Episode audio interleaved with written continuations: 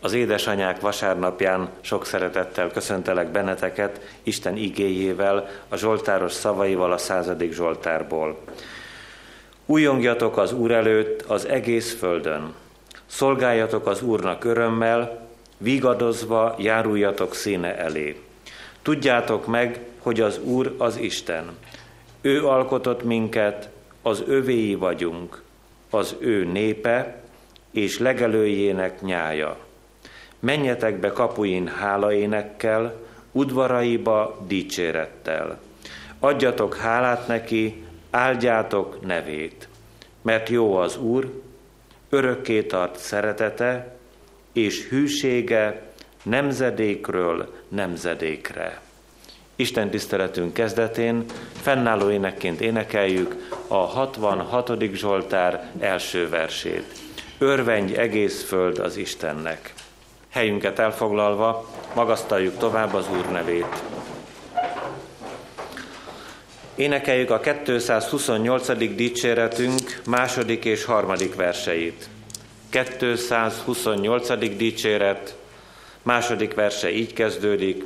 Ó, vonj, atyám, fiadhoz engem, hogy szent fiad is hozzád elvigyen. Kegyelem nékünk és békesség Istentől, ami atyánktól és az Úr Jézus Krisztustól. Amen. Hallgassátok, szeretett testvéreim, Istenünk igéjét. Írva van az apostolok cselekedeteiről írott könyv, nyolcadik részének, negyedik és következő verseiben eképpen. Akik pedig szétszóródtak, elmentek és hirdették az ígét. Fülöp lement Samária városába, és ott hirdette nekik a Krisztust. A sokasság egy szívvel és egy lélekkel figyelt arra, amit Fülöp mondott, mivel hallották és látták azokat a jeleket, amelyeket tett. A tisztátalan lelkek ugyanis sok megszállottból hangosan kiáltozva kimentek, sok béna és sánta is meggyógyult, és nagy öröm volt abban a városban. Már régebben élt abban a városban egy Simon nevű férfi, aki varázslással foglalkozott, és ámulatba ejtette Samária népét, mert valami igen nagynak állította magát. A város apraja nagyja hallgatott rá, és azt mondták, ő az Isten hatalmasnak nevezett ereje. Hallgattak rá, mert varázslásával már jó ideje ámulatban tartotta őket. De amikor hittek Fülöpnek, aki az Isten országáról és a Jézus Krisztus nevéről szóló evangéliumot hirdette, megkeresztelkedtek férfiak és nők egyaránt. Simon maga is hívő lett. Majd miután megkeresztelkedett, Fülöp mellé szegődött, és amikor látta, hogy jelek és nagy csodák történnek, egészen elámult. Amikor meghallották a Jeruzsálemben levő apostolok, hogy Samária befogadta az Isten ígéjét, elküldték hozzájuk Pétert és Jánost. Ők lementek, és imádkoztak értük, hogy részesüljenek a Szentlélek ajándékában, mert még egyikükre sem szállt rá, csak meg voltak keresztelve az Úr Jézus nevére. Akkor rájuk tették a kezüket, és részesültek a Szentlélek ajándékában. Amikor látta Simon, hogy az apostolok kézrátételével adatik a lélek, pénzt ajánlott fel nekik, és így szólt. Adjátok meg nekem is ezt a hatalmat, hogy akire ráteszem a kezemet, az vegye a szent lelket. Péter azonban ezt mondta neki. Vesszen el a pénzed veled együtt, amiért azt gondoltad, hogy pénzen megszerezheted az Isten ajándékát. Nem részesülhetsz, és nem is örökölhetsz ebből, mert a szíved nem egyenes az Isten előtt. Térj meg tehát e gazságodból, és könyörögj az Úrhoz, hát ha megbocsátja neked szíved szándékát. Mert látom, hogy keserű irítség és a gonoszság fogságába estél. Simon így válaszolt. Könyörögjetek értem az Úrhoz, hogy semmi se szálljon rám abból, amit mondtatok. Ők pedig bizonyságot tettek, és hirdették az Úr igéjét, azután visszaindultak Jeruzsálem felé, és közben sok samáriai faluban hirdették az evangéliumot. A kegyelemnek Istene tegye megáldottá szent igéjének meghallgatását, szívünk befogadását és megtartását. Hajtsuk meg a fejünket az Úr előtt, imádkozzunk. Drága édesatyánk, való Szent Istenünk, dicsőítünk és magasztalunk téged, hogy tisztán ajánlod nekünk a te drága ígédet, az evangéliumot, hogy út, igazság és élet lehet a te ígéd, a testet öltött íge, a mi Urunk Jézus Krisztus. Köszönjük, hogy aki őt követi, nem tévedhet el. Köszönjük, hogy kegyelme által maradhatunk meg a hitben. Szeretnénk ragaszkodni hozzád. Szeretnénk várni a te ajándékaidat.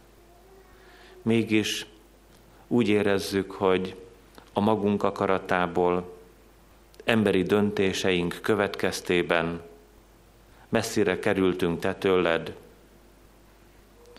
Emberi életünk sokféle mélységeit megjártuk, kerestük az örömöt, a lelki csöndet, szívünk békéjét, és zűrzavar, fájdalom, szenvedés, szomorúság költözött a mi életünkbe, amikor téged megkerülve vágytunk olyan kincsekre, amelyek nekünk örömöt adhatnának. Irgalmaz nekünk, és csendesítsd meg a lelkünket. Add, hogy megállhassunk kereszted alatt Jézusunk, ahol Te a békesség királya.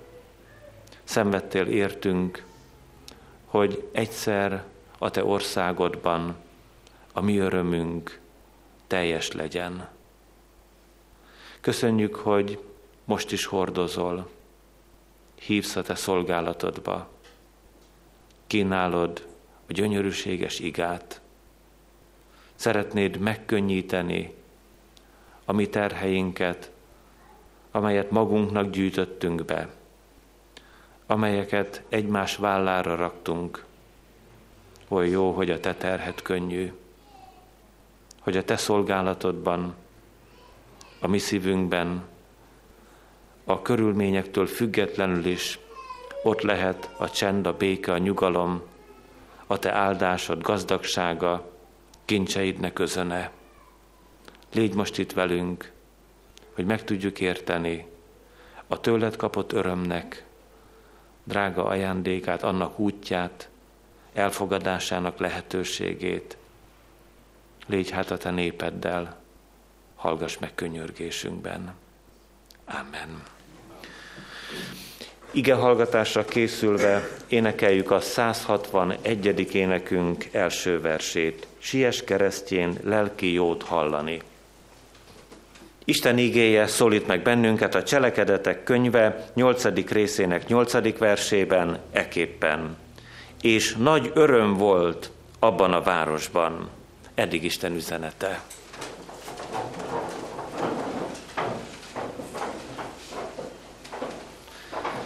Kedves testvéreim, szeretett gyülekezet, most úgy adódott, hogy hétről hétre, több alkalommal a cselekedetek könyvéből választjuk az ígét. Pár héttel ezelőtt Péter szolgálatát figyeltük meg, amikor Kornéliusszal találkozott, Az elmúlt héten Saulus, a dühöngő, a keresztjén ellenes ember megtérése történetét vettük szemügyre, és most Fülöpnek a szolgálatára figyelünk, amikor elindult Samária városába, és hirdette az ígét, az ott levőknek predikálta a Krisztust, és a végeredmény össze van foglalva egy igeversben, így hallottuk, és nagy öröm volt abban a városban. Mielőtt ezt a nagy örömöt közelebbről is megismernénk, kérdezzük meg, és feleljünk is rá, nagy öröm van-e a mi városunkban, Budapesten. Természetesen az Úr örömére gondolnánk. És rövid a válaszunk, nincs nagy öröm. Ebben a városban hiányzik az Úr öröme. Mielőtt háromféle formában is megismernénk a Jézus Krisztusban való örömnek a csodáját, szintén három oldalról meg kell látnunk, hogy ehhez az örömhöz a fájdalom útja vezetett. Úgyhogy ma, anyák napján három fájdalommal és három örömmel találkozunk az ígében.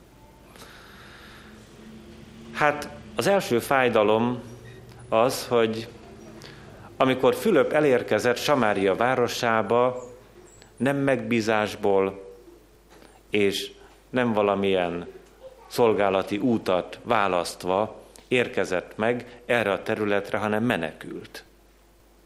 Menekült Jeruzsálemből. Nem csak ő, hanem nagyon sok keresztjén.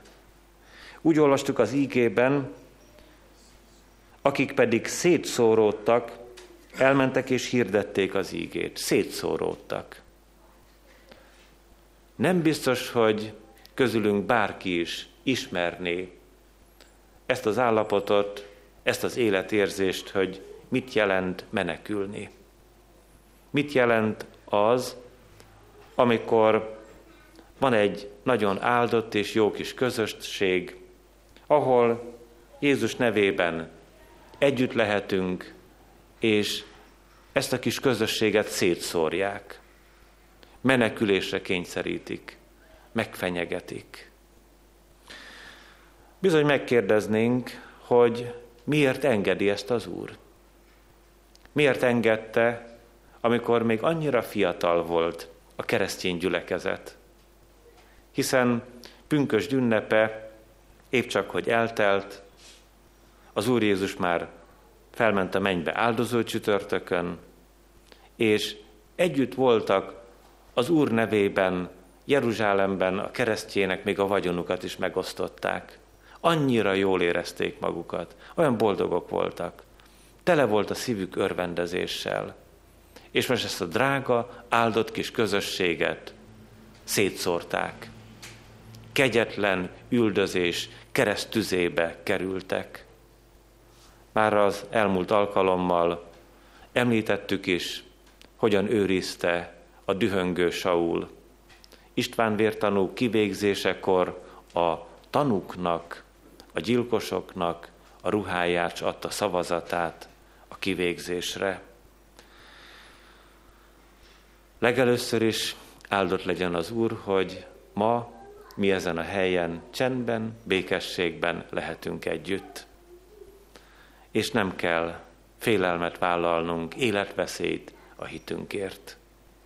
De az nem volna baj, ha lenne bennünk egy kis részvét, együttérzés. Azok irányában, akik tőlünk lehet, hogy több ezer kilométerre távol, ma nem egy ilyen csendes kis imaházban, vagy egy gyönyörű templomban, hanem pincében, vagy magtárakban, vagy valahol nagyon messze elbújva az emberek szeme elől. Olvassák, hallgatják, hirdetik az ígét, imádkoznak, énekelnek. Kérdezzük csak még egyszer, Miért engedi ezt időről időre az Úr? Hát az érdekünkben, kedves testvéreim, mert mi könnyen megszokjuk a kényelmet. Amikor a keresztényeket nem üldözik, általában a hitük ellaposodik. És én magammal hadd kezdeném először az ige mértéke szerint, amikor ezt halljuk Fülöpről, akik pedig szétszóródtak, elmentek és hirdették az ígét, én nem mentem el. Én csak átjöttem a szomszédból. Hirdetem az ígét, de hogy van? Ti jöttetek, testvéreim. Meg kell mondjam, hogy nagyon kényelmes helyzet. Barátságos, kedves az arcotok. Kezet szorítunk majd, amikor kimegyünk, meg már sokakkal, a bejáratnál is. Nincs itt semmilyen veszély. Ki is kérnénk magunknak, ha valaki berontana a mi kis templomunkba, és ennek az órának a meghittségét tönkretenné. Kinek lenne joga bejönni ide, és valamilyen kellemetlenséget okozni nekünk. És nekem is. Valóban tényleg. Kényelmes, kellemes. Átjönni és hirdetni az ígét. Nektek talán egy kicsit megpróbáltatottabb autóbuszra ülni, gyalogolni. Fülöp pedig menekült. Menekült Jeruzsálemben, Jeruzsálemből, és elment egészen Samária városáig, de nem felejtette el hirdetni az ígét. És most utaljunk újra a végeredményre. Nagy öröm volt abban a városban. Félek magamtól, ha engem megfenyegetnének, ha engem a hitemért üldöznének, lehet elhallgatnék. Lehet, hogy nem azzal a szándékkal menekülnék oda, ahova lehetne, hogy majd ott újra én beszélni fogok Jézus Krisztusról. Megtelhetne a szívem félelemmel. De az Úr ilyenkor tesz csodákat. Amit mi nem hiszünk magunkról, lehet, hogy éppen amikor ki kellene állnunk a hitünkért, akkor kapunk erőt. Hát ezért van az üldözés. És ezért kerülhet a magyar kereszténység is olyan helyzetben bármikor, egészen váratlanul is, hogy nem fognak bennünket megdicsérni, azért, mert mi Jézus Krisztusban hiszünk. Én nem kívánom ezt az időszakot, mert félelmetes. De ha az Úr ilyen nehéz útra terelne bennünket, ne feledjük el, akkor fog majd megerősödni a hitünk. Akkor fog majd kiderülni, mi rólunk, hogy mi van a szívünkben. Hogy üzlet volt számunkra az evangélium hirdetés, vagy pedig ami csontjainkba rekesztett tűz. És bármit tegyenek velünk, nem tudunk mi ettől szabadulni, mert a csontjainkba van rekesztve. Mert mondanunk kell, örömben, bánatban, sikerben, kudarcban, ha megdicsérnek, ha megvetnek, ha kigúnyolnak, ha elfogadnak, minden helyzetben hirdetnünk kell a Krisztust. De ezt én úgy mondom ti nektek, hogy az én hitemet is nyilván egy tűz próbálná meg igazán. Nézzük meg a második fájdalmat. Elment Fülöp Samária városába, és ott talált egy helyzetet. Úgy is mondhatnánk, hogy amiket én most felsorolnék, az ennek a városnak az állapotát, együttes állapotát mutatta be. Megszállottak, bénák és sánták is hallgatták az ígét sőt velük történtek nagy csodák. A megszállottakból a démoni erők kimentek, a bénák talpra álltak, a sánták meggyógyultak, És, hogy hallottuk, nagy öröm volt abban a városban. Ha történelmet végig kísérjük, akkor vannak időszakok, amikor egy-egy közösséget, akár nép, nemzet közösséget is meghatározhatnak bizonyos betegségek. Nem kerestem meg a megfelelő időpontokat, ezért csak így felsorolásszerűen gondolok vissza történelmi időkre, amikor talán százezrek és milliók beszéltek fekete himlőről. És nagyon sokan haltak meg spanyol náthában. Aztán Magyarországnak volt olyan időszaka, amikor ez a mi népünk a tüdőbajtól szenvedett. Afrika országaiban vannak városok és falvak, amelyek elnéptelenednek most a mi időnkben az éc miatt. És hát nem teljes a felsorolás. Bizonyos betegségek oda kötődnek egy-egy korszakhoz, egy-egy földrajzi területhez, és hát Samária városában a megszállottak meggyógyultak, és a bénák megépültek, és a sánták is egészséget kaptak. Mert az Úrnak a követe elment, és szembenézett ezzel a fájdalommal. Van egy drága követ, egy kedves orvosnő, aki szintén elment Afrikának egyik országába és viszi az evangéliumot az écesek közé, és gyógyít is. Szeretettel teszi. Áldott legyen érte az Úr. Szembenéz a helyzettel. Nem könnyű szembenézni. Nehéz, fájdalmas, félelmetes állapotokkal. Azután még egy fájdalmat tekintsünk át gyorsan. Samária városában volt egy ember, aki ennek a városnak meghatározta a lelkiségét. Simon Mágus. Isten ellenes figura, de hatalmas és dúsgazdag. Kezében tartotta ezt a kis várost. A városnak az apraja és nagyja mind hallgatott rá.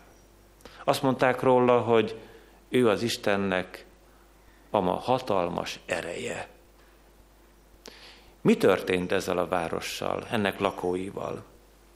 Hogy ennyire rá lehetett szedni őket. Hát a mágus varázsló aki ámulatban tudja tartani az embereket. Simon Mágus lelkiségében van egy erő, démoni erő, ördögi eredetű erő, hatalmas erő. És most Samária városában hatalmi harc kezdődik. Fülöp személyiségében megjelenik Jézus. Simon mágus személyében ott van az ördög. És a két hatalom egymást kioltja. Valamelyiknek győzni kell. És az embereknek is valamelyik oldalra kell állni. Lehet taktikázni, Simon mágus ezt tette. Azt olvastuk felőle, hogy megkeresztelkedett. Az ige úgy írja, hogy hívő lett.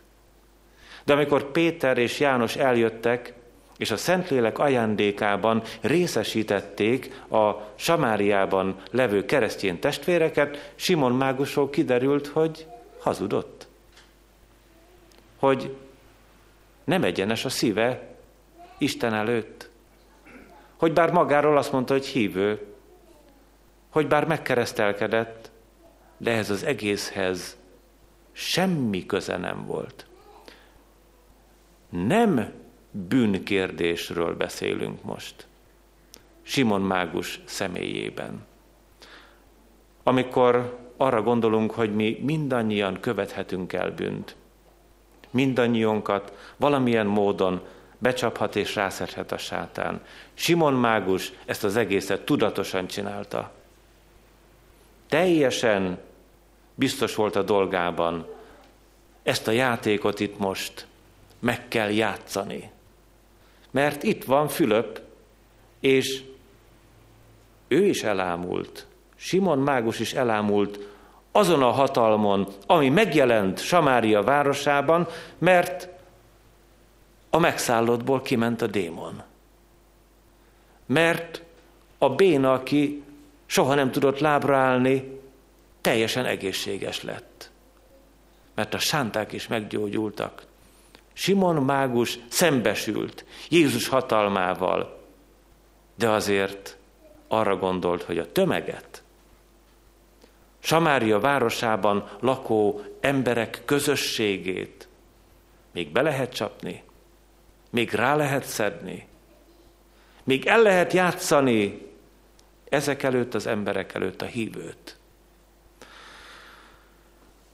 Hát nem volt az egyszerű dolog.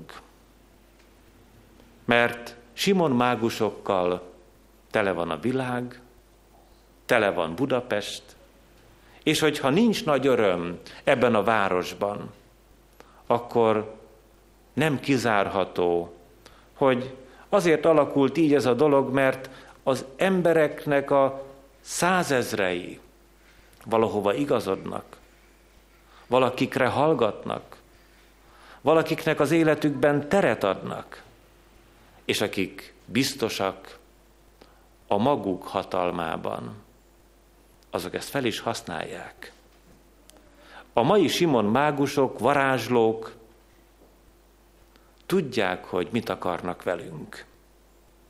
Bár ők maguk is Isten színe előtt téves úton járnak, de bennünket tudatosan akarnak megtéveszteni. Nem véletlenül, tudatosan. Tudatosan szeretnének minket félrevezetni, becsapni és rászedni. És emögött, az egész dolog mögött nem más van, mint a hatalom és a pénz. Simon Mágusról ez kiderült az ígében.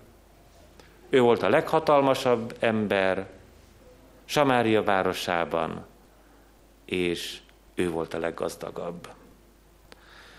Itt most Simon Mágust, az ő személyét félretesszük, és átgondoljuk még egyszer. Mielőtt nagy öröm lett volna Samária városában, három nagy fájdalommal kellett szembenéznie Isten szolgájának, Fülöpnek, ő is köztük volt, azok között, akik szétszóródtak, ő is látta a megszállottakat, bénákat, sántákat, és neki is találkoznia kellett Simon Mágussal. És most nézzük meg a három örömöt. Nagy öröm volt ebben a városban, de kik részesültek ebben a nagy örömben? Mert lehet az örömöt úgy is megfigyelni, hogy látunk magunk előtt talán egy nagy színháztermet, ahol egy valaki nevettet, kacagtat, és mindenki más, aki jelen van, nevet. Ilyenkor tömegörömről beszélünk. De hát most az egyénnek az örömét szeretnénk megfigyelni. Samária városában elképzelhetetlenül nagy öröme lehetett annak az embernek, akinek a testéből, lelkiségéből, személyiségéből kiment a démon. A megszállott meggyógyult. Gondoljunk a gadarai megszállottra.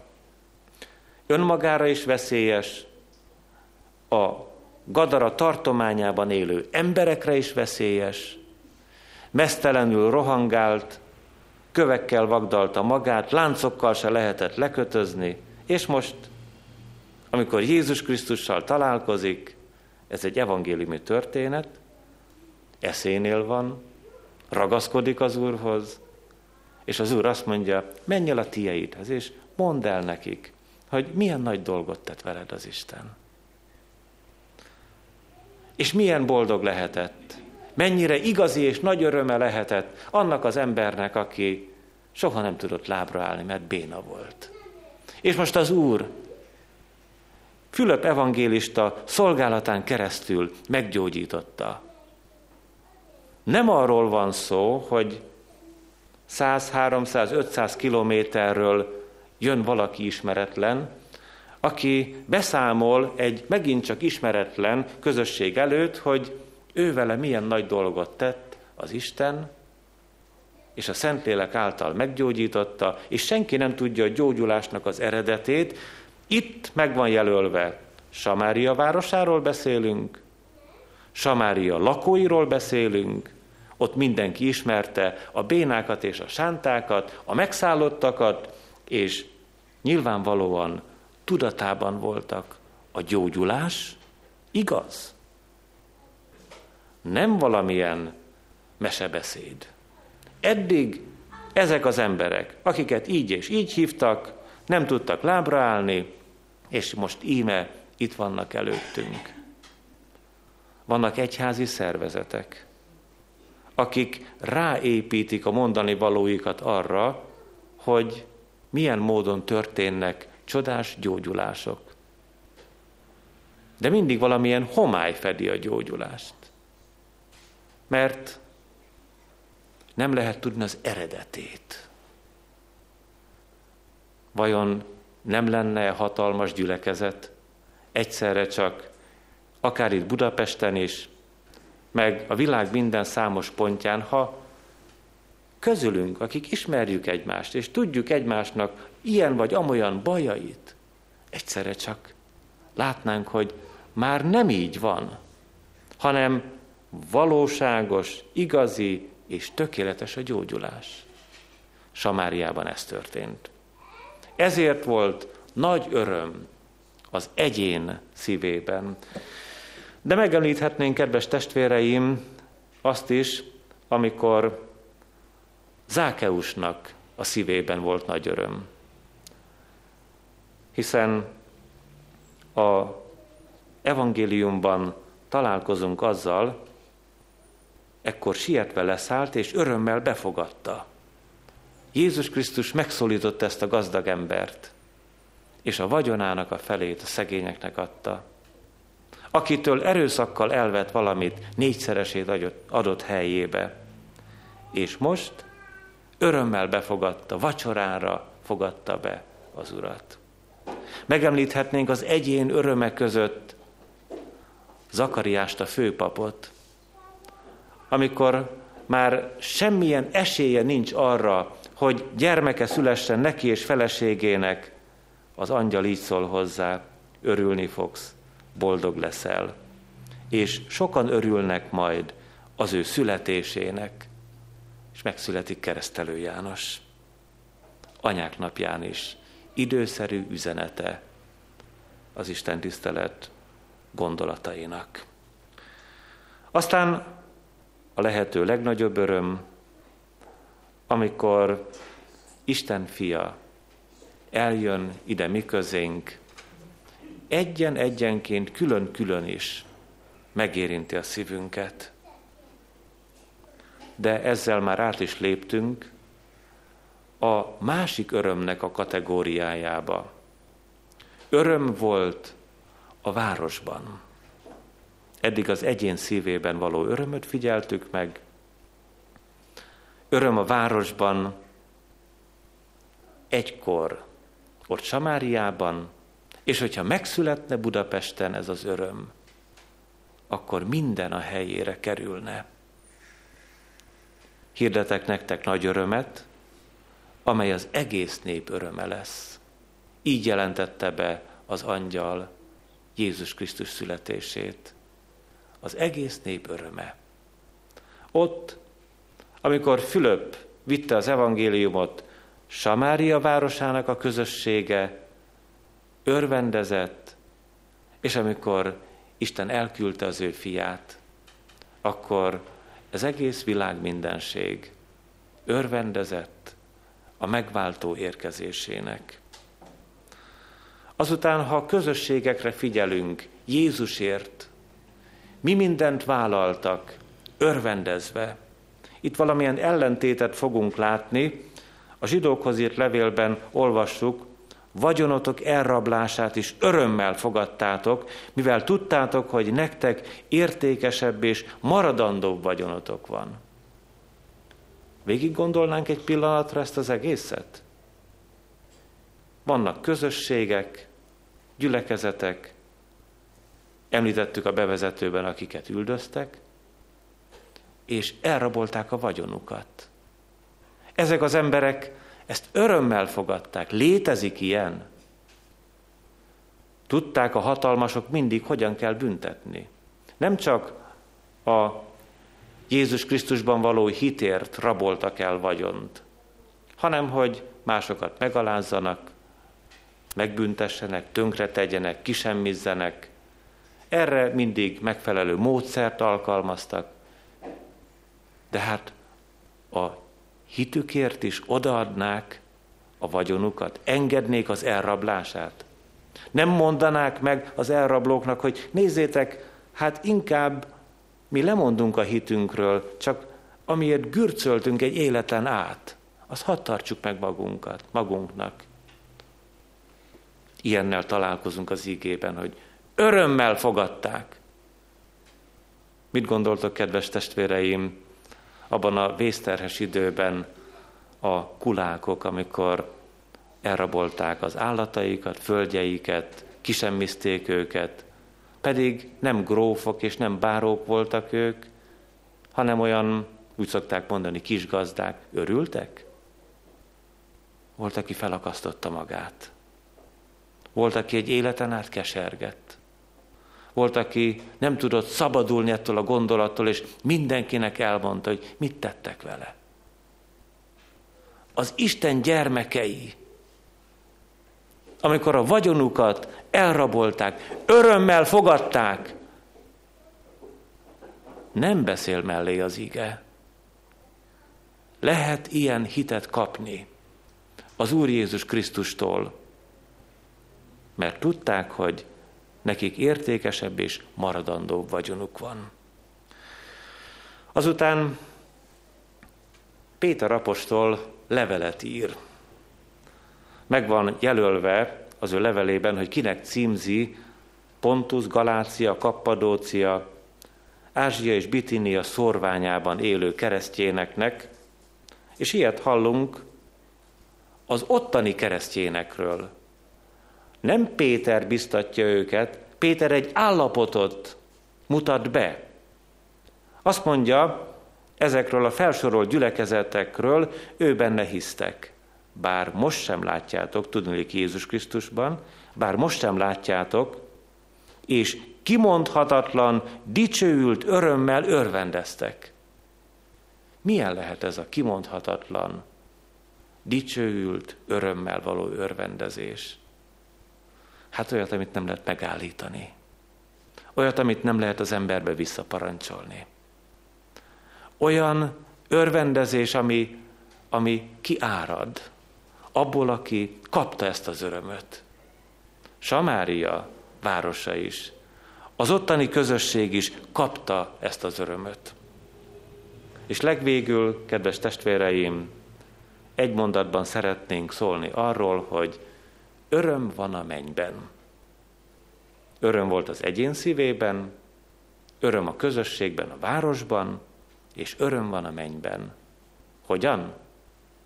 Egyetlen ember megtérésén. Öröm van a mennyben. Itt kezdődik egy városnak az öröme.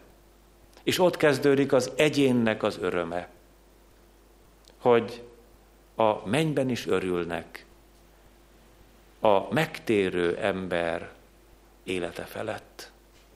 És hogyha az Úr elkezdené itt sorban megérinteni a szívünket, és mi engednénk, hogy megérintse a szívünket, akkor nagy öröm lenne Szabótelepen. Nagy öröm lenne Pesterzsébeten. Lehet, hogy nem változtatnánk meg az egész Budapestet, de egy kicsit más lenne a kapcsolatunk a barátainkkal, a testvéreinkkel, a rokonainkkal, a munkatársainkkal, a szeretteinkkel, a legközvetlenebbekkel. Lenne egy áldott és szép gyülekezeti közösség, ahol mi leginkább és különösen mindannyian egyenként is nagyon szeretnénk az Urat. Aztán kezdenénk megszeretni egymást, és kezdenénk egymás terheit hordozni. Kezdenénk megérteni azt, hogy Isten országa nem evés és ivás, hanem igazság, békesség és Szentlélekben való öröm. Amen. Válaszoljunk az íge üzenetére, énekelve a 397. dicséretünk első versét. Ó, Sion, ébredj, töltsd be küldetésed. Urunk, köszönjük a Te kegyelmedet, amelyel egyéni személyes életünkhöz, közösségeinkhez, gyülekezeteinkhez, és még a nagyobb közösségekhez, falvakhoz, városokhoz is lehajolsz a te szent lelkeddel. Örömöt készítesz nekünk, olyat, ami elvehetetlen, ami a te kincsed, a te ajándékod. Sokszor sajnáltuk egymástól az örömöt. Pedig az csak a mi örömünk volt, nagyon szegényes. És mégis örvendeztethettünk volna sokakat körülöttünk, azokat, akiket rejánk bíztál, és azokat is, akik tőlünk távolabb vannak. Ehelyett sokszor kerestünk, Urunk, mesterséges örömöket, amelyek csak kábítottak, ellenet fordítottak, egymás közötti ellenségeskedést munkáltak. Segíts, hogy megismerjük egyre jobban és egyre világosabban a Te örömödet. És hogy ebből az örömből, a Te szent lelked öröméből vehessünk, meríthessünk bőségesen. Tudjuk, hogy a Te ajándékod túláradó. Lehet adni másoknak is, és tudjuk azt is, hogy marad nekünk. Bocsáss meg azokért a helyzetekért, amikor fájdalmat, szomorúságot árasztottunk magunk körül. Amikor a mi szívünkből kiáradt a keserűség, a harag, a gyűlölködés. Áldott légy, hogy te mindezt a te örömöddel le tudod győzni. Te szabadító vagy, Úr Jézus Krisztus, kérjük is a Te szabadításodat. Te megváltó is vagy, és tudjuk, hogy ami miatt sírunk, hogy a mi földi vándorlásunk kitelik, véget ér, ehelyett adsz elmúlhatatlan és örökkévaló életet, és ezért szeretnénk örvendezni te benned, megismerni azt az örömöt, aminek a következménye az, hogy lehetünk szelídek, mert közel vagy hozzánk. Áldott légy, hogy a mai napra megtartottál, és különösen is megtartottad az édesanyákat, hogy örvendezhessenek gyermekeiknek, és felindítottad a gyermeki szíveknek a háláját, hogy vegyék körül szeretettel édesanyjukat. És hogyha olyan időket hoztál el némelyikünknek, hogy számunkra az emlékezés maradt már, ad, hogy legyen ez hálás a mi szívünkben, azokért az elvett kincsekért, amelyekben részünk volt éveken, évtizedeken át. Lehet, hogy szegényesebb körülmények között. Lehet, hogy nem pompában és fényben ünnepeltük ezt a napot, de szeretett kincseit te elrejtetted, vagy szavakba formáltad, hogy szívből szívbe áradjon a te indulatod, a te jóságod, te áldásaidnak gazdagsága. Légy hát ővelük, akikre roppant feladatot bíztál, és légy mi velünk is, akik vagy emlékezünk, vagy hálás köszönetet mondunk. Áldó kegyelmedet terjesz ki a gyülekezetekre, a miénkre is. Add, hogy nagy öröm legyen itt ezen a helyen, a mi közösségünkben, azért, hogy Te vagy, hogy szerethetünk, hogy megváltottál, hogy új életet adtál. Kísérdemi lépteinket, vigyázz a hitünkre, és hallgass meg könyörgésünkben, szent lelked által. Amen. Foglaljuk el helyünket, kedves testvéreim. Anyák napján hallgassunk meg egy verset, amelyel szeretettel gondolunk az édesanyákra. Gál Gergely fogja elmondani az anyák napi köszöntőt. Turmezei Erzsébet, mintha álom lett volna. Édesanyám, a rögös vándorút új állomásán állj meg most velem. 77 hosszú földi éven át hordozott hűséggel a kegyelem. És amint ezen a magas hegytetőn szemünk a megtett útra visszanéz, csodálkozunk sokáig könnyesen, mintha álom lett volna az egész. A fehér falu csendes kúria, a daliás, mosolygó vőlegény, a tágas, otthonos tamási ház, tengervirág a tavasz idején. Csengettyűző, szép gyerekkacagás, évek tűnnek feltarthatatlanul, és a boldog otthonra hirtelen, kicsin koporsok, mély árnyéka hull. Mennyi könyhulatás és fájdalom, vérzik az anya szíva szerető, hiszen a hétből négyet rejteget, virágos hant alatt a temető. Annál drágább a három azután, felettetik a komor gondokat, a fészek alja barna kislány, maga költötte verset mondogat. Mi lesz belőlük, hív a hír a kincs, mennyi hívást fogják, melyik hívást fogják meghallani, könnyesen készítgetik útjukat az anyai szív imádságai. És az égi hívás győz, a Krisztusé, hiszen egymás után indulnak el, vállalva igáját, szolgálatát, az anyai szív hálát énekel. Mondjam tovább, a drága sírhoz is megtegyük még az arándok utat, mert el kell válniuk azoknak is, akik egybe kötötték sorsukat, hogy az örök viszontlátás felé tekintsenek és vándoroljanak. Sorakoznak a kedves unokák, évek tűnnek, estébe hull a nap. Fehér haj, erőtlen már a kéz.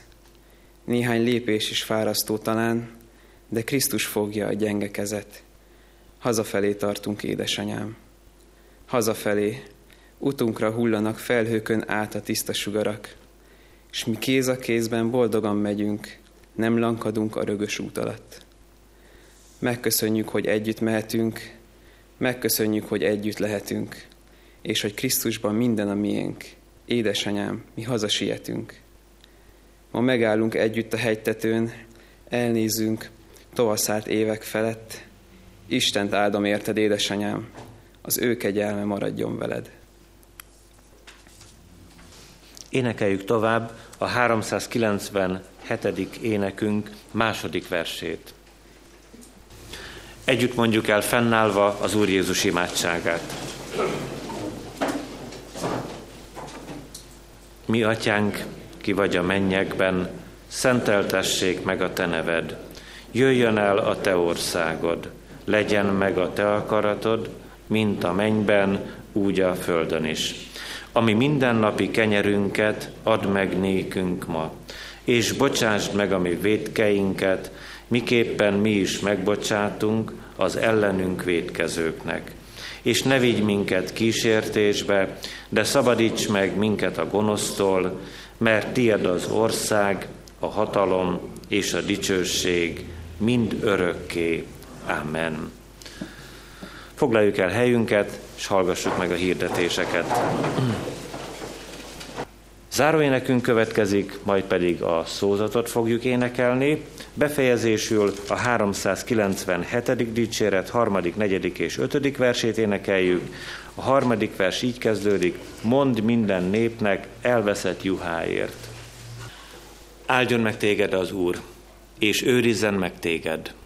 Ragyogtassa rád orcáját az Úr, és könyörüljön rajtad.